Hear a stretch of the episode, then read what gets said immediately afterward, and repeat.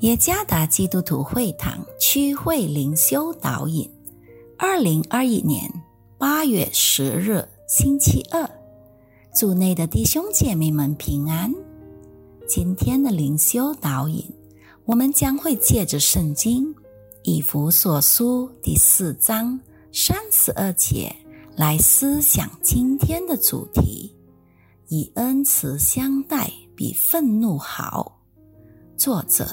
陈良春传道，以弗所书第四章三十二节，并要以恩慈相待，存怜悯的心，彼此饶恕，正如神在基督里饶恕了你们一样。一个不可否认的事实，就是改变习惯是何等的困难。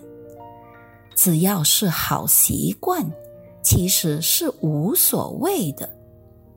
愤怒的习惯也是如此。人们有的时候并不想发怒，他想以恩慈对待他人，但因为习以为常，所以难以转化愤怒为恩慈相待。这就是使徒保罗在以弗所书第四章三十二节里的教导，并要以恩慈相待，存怜悯的心，彼此饶恕，正如上帝在耶稣基督里饶恕了你们一样。保罗劝勉以弗所教会的教友，要以恩慈相待。的生活经历并非容易，我们的教会生活也是如此。为了要在主内的弟兄姐妹们之间以恩慈相待，经常会遭遇到障碍。以恩慈相待的生活态度，不是因为命令而执行的。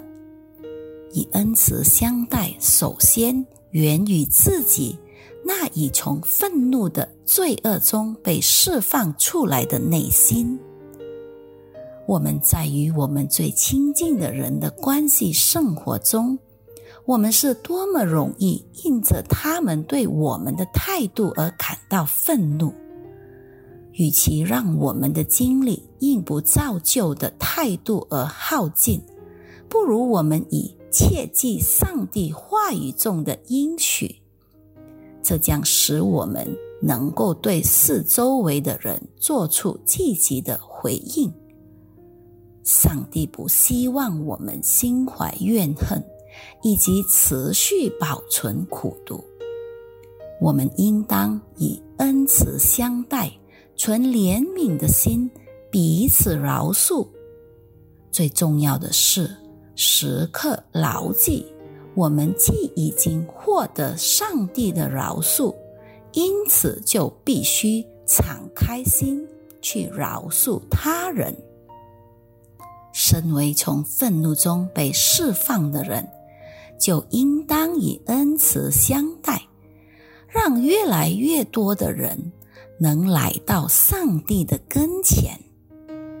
愿上帝赐福于大家。